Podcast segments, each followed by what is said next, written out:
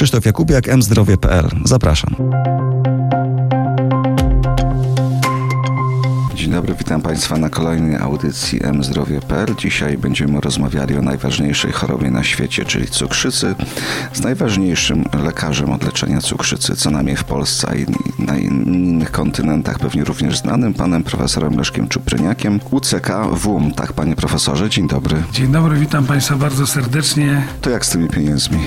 Ministerstwo powinno, yy, tak, przepraszam, że może mówię dość kategorycznie, ale już o tym mówiłem na różnych spotkaniach, gdzie byli yy, pracownicy ministerstwa, także pan minister Miłkowski, powinno w diabetologii spojrzeć na to krytycznie i uznać, że tak, nadeszła era rzeczywiście nowych leków, leków, które zresztą spoza diabetologii weszły w kardiologię, weszły w yy, nefrologię, za chwilę w hepatologię wejdą i tam te leki działają z, jednoznacznymi korzyściami.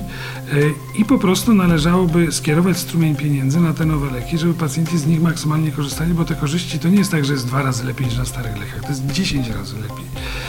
I długofalowo, jak mówię, obniżenie kosztów i to nie musi być, mówimy, powiedziałem 10 lat, to jest może za długo, ale myślę, że w horyzoncie paru lat byłoby widać. Spadek hospitalizacji, no eliminacja niedocukrzeń, w zasadzie w ogóle eliminacja niedocukrzeń, dopiero w momencie przejścia na insulinę pojawiałoby się problem niedocukrzeń, ale też dzięki tym lekom możemy tak leczyć insuliną, dłuższy czas leczyć tylko jedną dawką długo działającej insuliny, a w skojarzeniu z tymi nowymi lekami. A to jest taki model leczenia, który wiąże się z najmniejszym ryzykiem niedocukrzeń. No i teraz, jakbym był tym ministrem. No właśnie, gdyby pan był ministrem zdrowia. Tak, tak, tak, co nie znaczy oczywiście, że chcę być, ale gdybym był, tak, to popatrzyłbym, jakie są pieniądze wydawane na refundację starych leków. Tak, na refundację metforminy, która z tych 7 do 5 zł, 4 zł obniża nam koszt opakowania miesięcznej terapii, wydawane jest bodajże w ubiegłym roku 220 milionów złotych. Refundacja pochodnych sulfonylomocznika to jest kwota rzędu 60-70 milionów. Refundacja akarbozy, leku, którego on hamuje rozpad węglowodanów w przewodzie pokarmowym, mniej się wchłania cukrów, ale to są leki źle tolerowane przez pacjentów, które dają zdęcia, luźne stolce. My je bardzo rzadko stosujemy i w ogóle nie ma ich w zasadzie w naszych rekomendacjach. Na refundację tych leków wydawane jest 10 milionów złotych.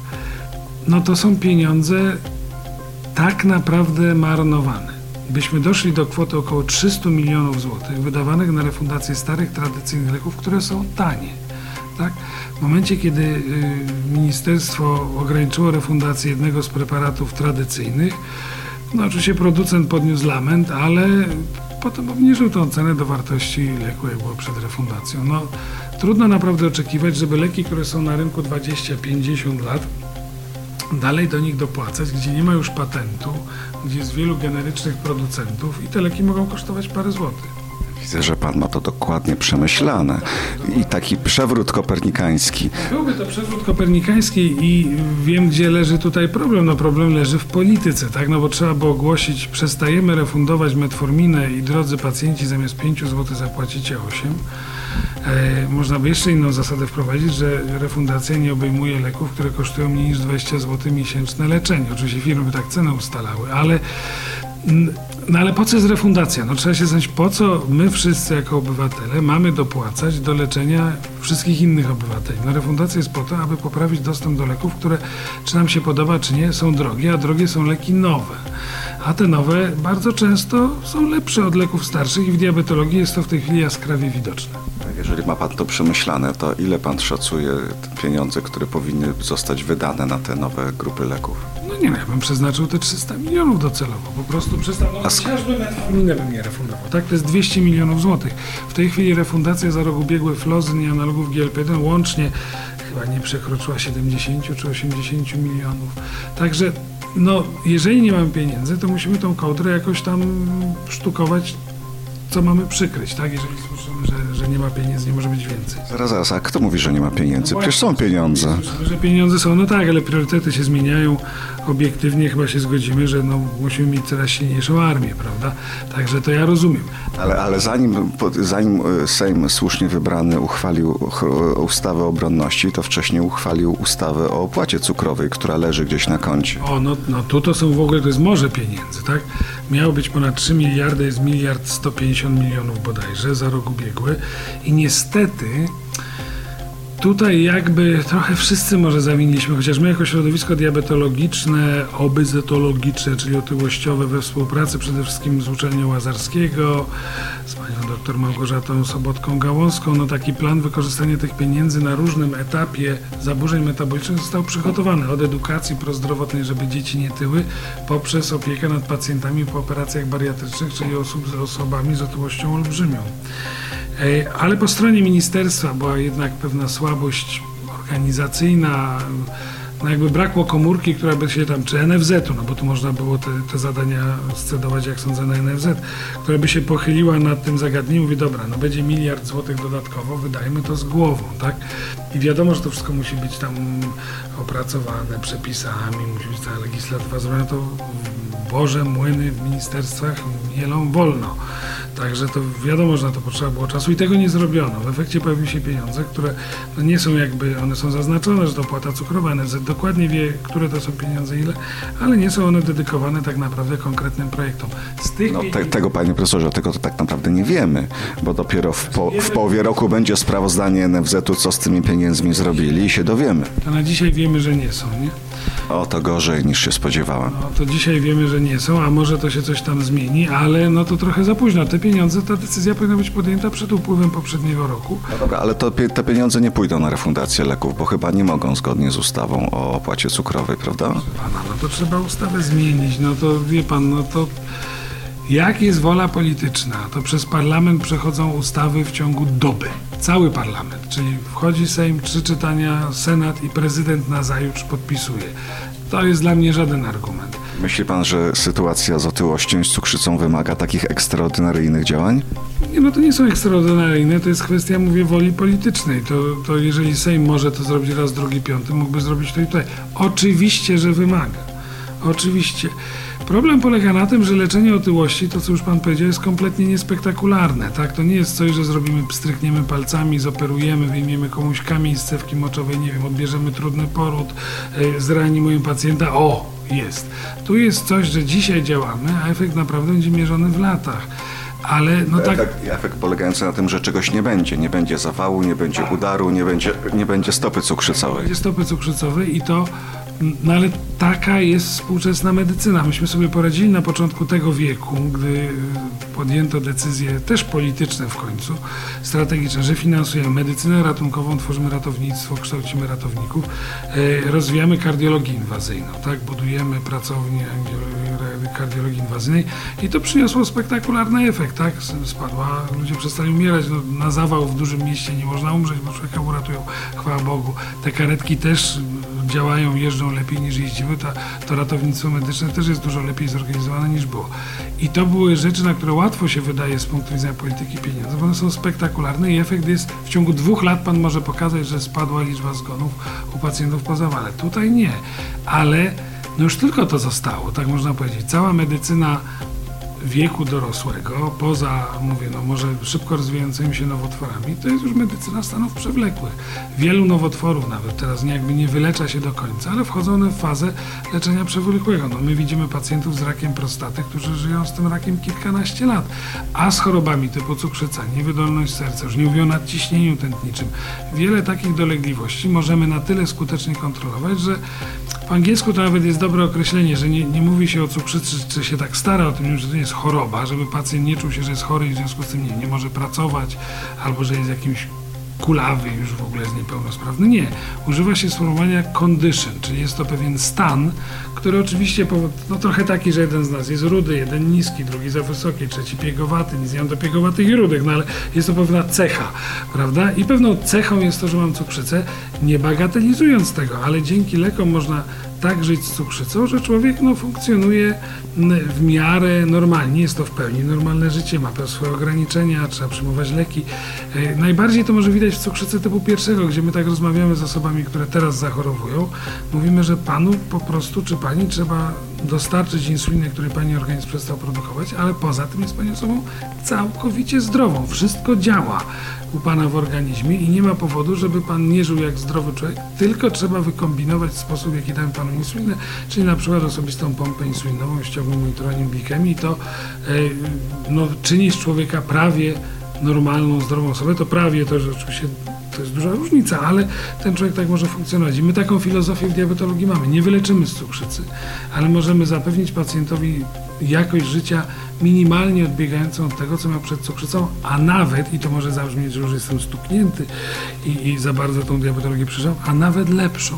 Bo jeżeli otyłemu człowiekowi, który nie ma cukrzycy, po prostu jest otyły i powoli tyje i nic nie zmienia w swoim życiu, bo uważa, że tam ja być piękna, ja być gruba i w ogóle tam, co mi tam i cała moja rodzina była otyła i tak dalej. W momencie, jak dostaje cukrzycę i dostaje leki, które pomagają także w otyłości, to ten człowiek nie dość, że no, ma dobre cukry, ale jeszcze ma niższą masę ciała i w ogóle jego życie wraca do etapu wiele wcześniejszego niż przed samym zachorowaniem cukrzycy.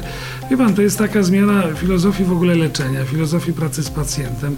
To wszystko robią nowe leki. No nie mamy cienia wątpliwości, ja to bardzo często powtarzam, że gdyby nie bariera cenowa, pacjenci powinni dostawać lek z jednej grupy i z drugiej grupy na dzień dobry i wtedy naprawdę e, byśmy opanowali m, tą cukrzycę no, w sposób, mówię o cukrzycy pół drugiego, no nie bywało.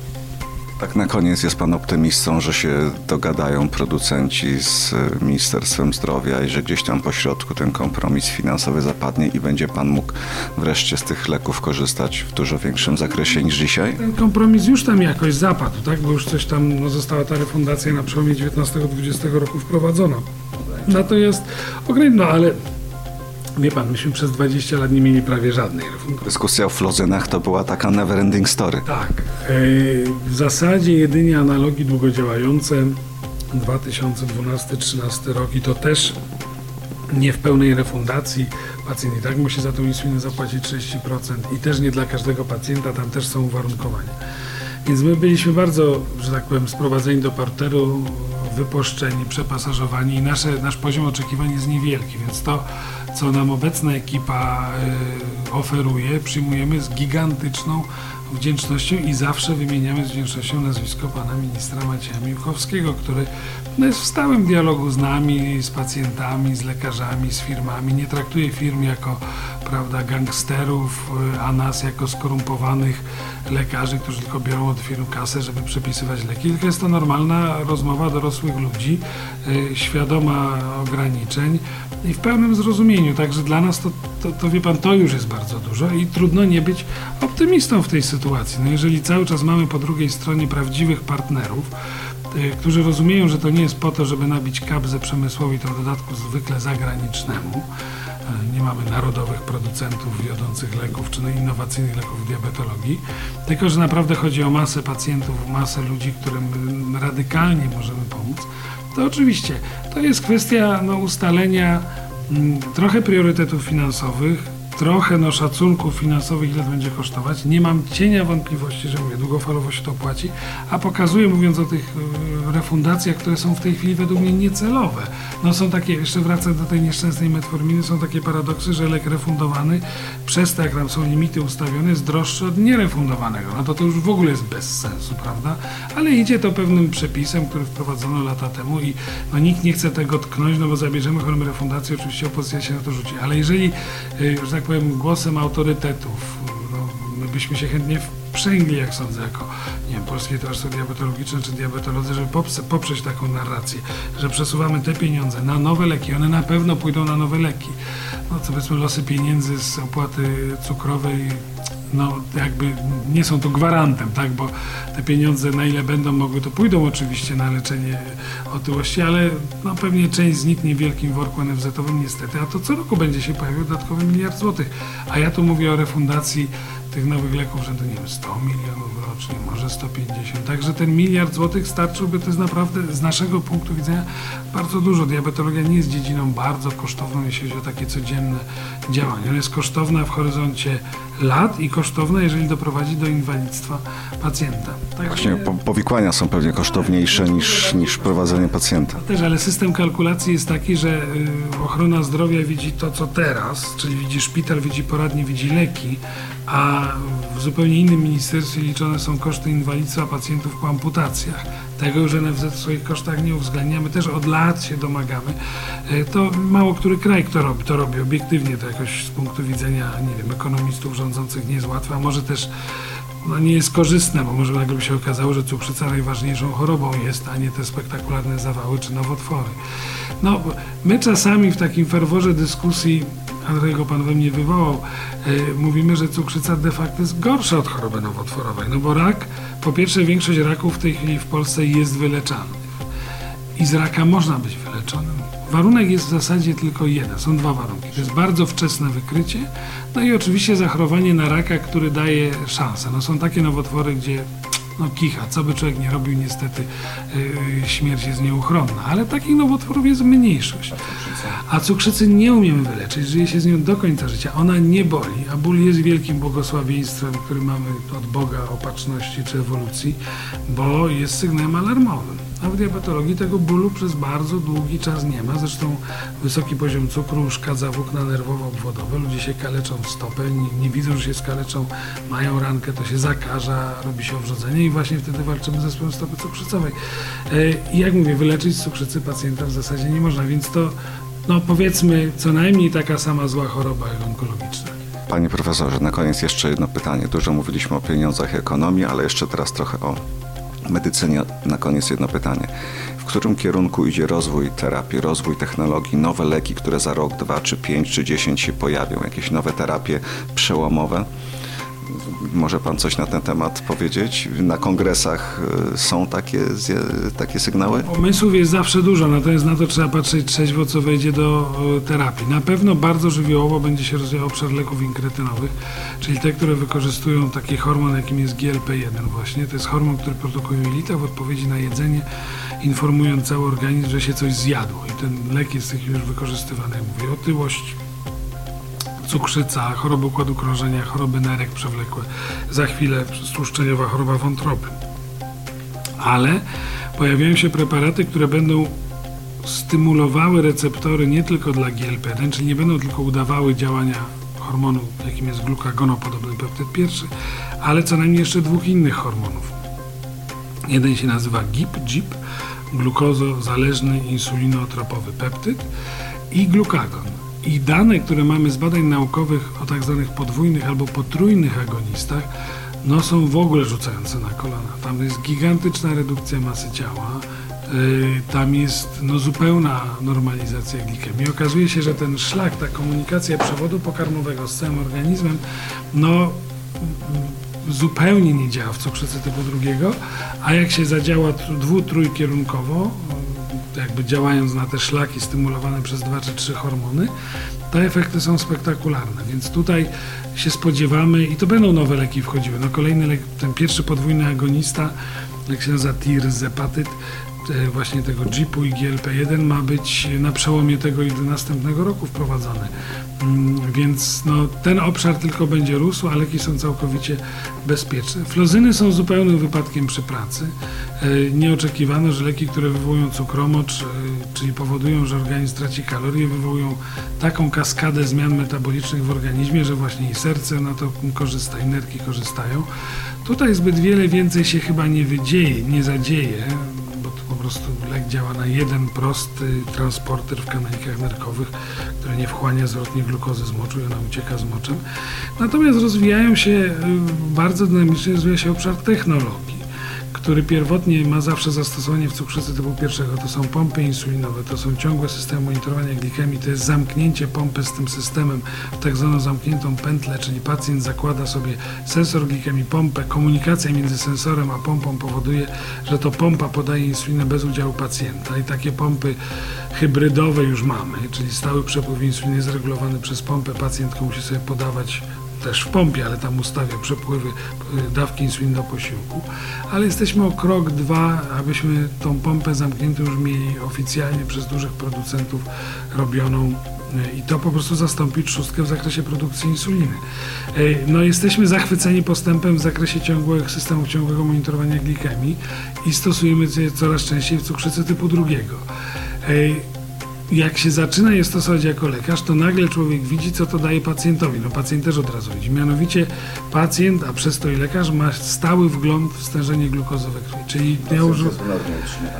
To znaczy wie, więcej wie, co może zrobić, żeby mieć cukier w normie, bo ten cukier widzi cały czas. I mamy badania, które dobitnie pokazują z ostatnich dwóch, trzech lat, że zastosowanie ciągłego monitorowania glikemii działa jak lek. Obniża hemoglobinę glikowaną, nic więcej chory nie dostaje. Leków nie dostaje, nic po prostu do- dostaje informacje. To jest trochę tak, takie porównanie, Jakbyśmy jechali samochodem i zmierzyli sobie, czyli porównali cukrzycę, prowadzenie cukrzycy to jest ze samochodem. Jak człowiek sobie zmierzy glukometrem cukier 4 razy dziennie, to tak jakby jadąc samochodem 4 razy oczy otworzył, a tak jedzie zamkniętymi oczami, tylko wie, że tu się skręca, tam się skręca, tak? Czyli w sensie, aha, jem, to mi cukier urośnie, to sobie podam jakąś insulinę. A mając ciągłe monitorowanie i na telefonie najczęściej wgląd w ten swój poziom cukru, no on doskonale wie, no cały czas widzi tę drogę przed sobą. I nawet podświadomie na to reaguje, czyli a, no to już tego nie zjem, bo to już widzę, że mi cukier rośnie, a, pójdę sobie trochę dalej na spacer, spalę ten cukier, bo widzę, że jest za wysoki. To się przekłada na wyrównanie cukrzycy i to się dzieje w zasadzie, no nie chcę być mimowolnie, ale niejako ani my pacjentowi nie każemy, ani pacjent nie musi jakoś bardzo się pilnować, po prostu mając świadomość, chce mieć dobry cukier i widząc jaki ma, będzie podejmował różne działania niezwiązane z lekami, które mu tę cukrzycę wyrównują. Więc kolejna rzecz, którą byśmy wyposażali każdego pacjenta z cukrzycą, są właśnie CGM, te systemy ciągłego monitorowania. Oczywiście jest grupa pacjentów, szacujemy na jakieś, no nie taka mała, 20, może i 30%, która ani tym nie będzie zainteresowana ze względu na bariery edukacyjne, ani nie będzie się tym przejmowała, ale większość na pewno by z tego skorzystała. I to też się przełoży na mniejszą częstość powikłań. Także no, nadeszły czasy, których no nawet mówię, ani się nie spodziewaliśmy, nic ich nie zapowiadało. Naprawdę y, dynamicznego rozwoju terapii, także i diagnostyki, ale ta diagnostyka właśnie ma zastosowanie bezpośrednie w terapii cukrzycy. E, Mogą z tego korzystać w sposób kolosalny pacjenci, tylko dobrze jak mieli na to trochę pieniędzy, to taka rzeczywistość. A dla nas jako lekarzy, no dziedzina stała się absolutnie fascynującą. Co miesiąc, co dwa są nowe wiadomości, nowe pomysły, nowe dane o nowych lekach. E, Uczymy się cały czas je stosując, jak mówię, to jest raptem 2-3 lata ostatnie, gdzie ta diabetologia zaczęła się zmieniać bardzo, a będzie zmieniała się jeszcze intensywniej w najbliższych latach. Jednym słowem w obszarze diabetologii są dobre wiadomości i lepsze wiadomości. Jest nadzieja tylko, że to podejście długofalowe, dziesięcioletnie, pięcioletnie perspektywy korzyści przekonają ministerstwo do decyzji w perspektywie rocznej czy dwóch. Bardzo dziękuję za rozmowę. Gościem dzisiejszej audycji był Leszek Czupryniak, internista, diabetolog. Dziękuję bardzo. No i profesor, i ordynator, i e, lider środowiska diabetologicznego w Polsce. Proszę tu nie machać ręką, panie profesorze, wszystko się zgadza. Bardzo dziękuję za uwagę i do zobaczenia. Ja dziękuję. Dziękuję bardzo za rozmowę.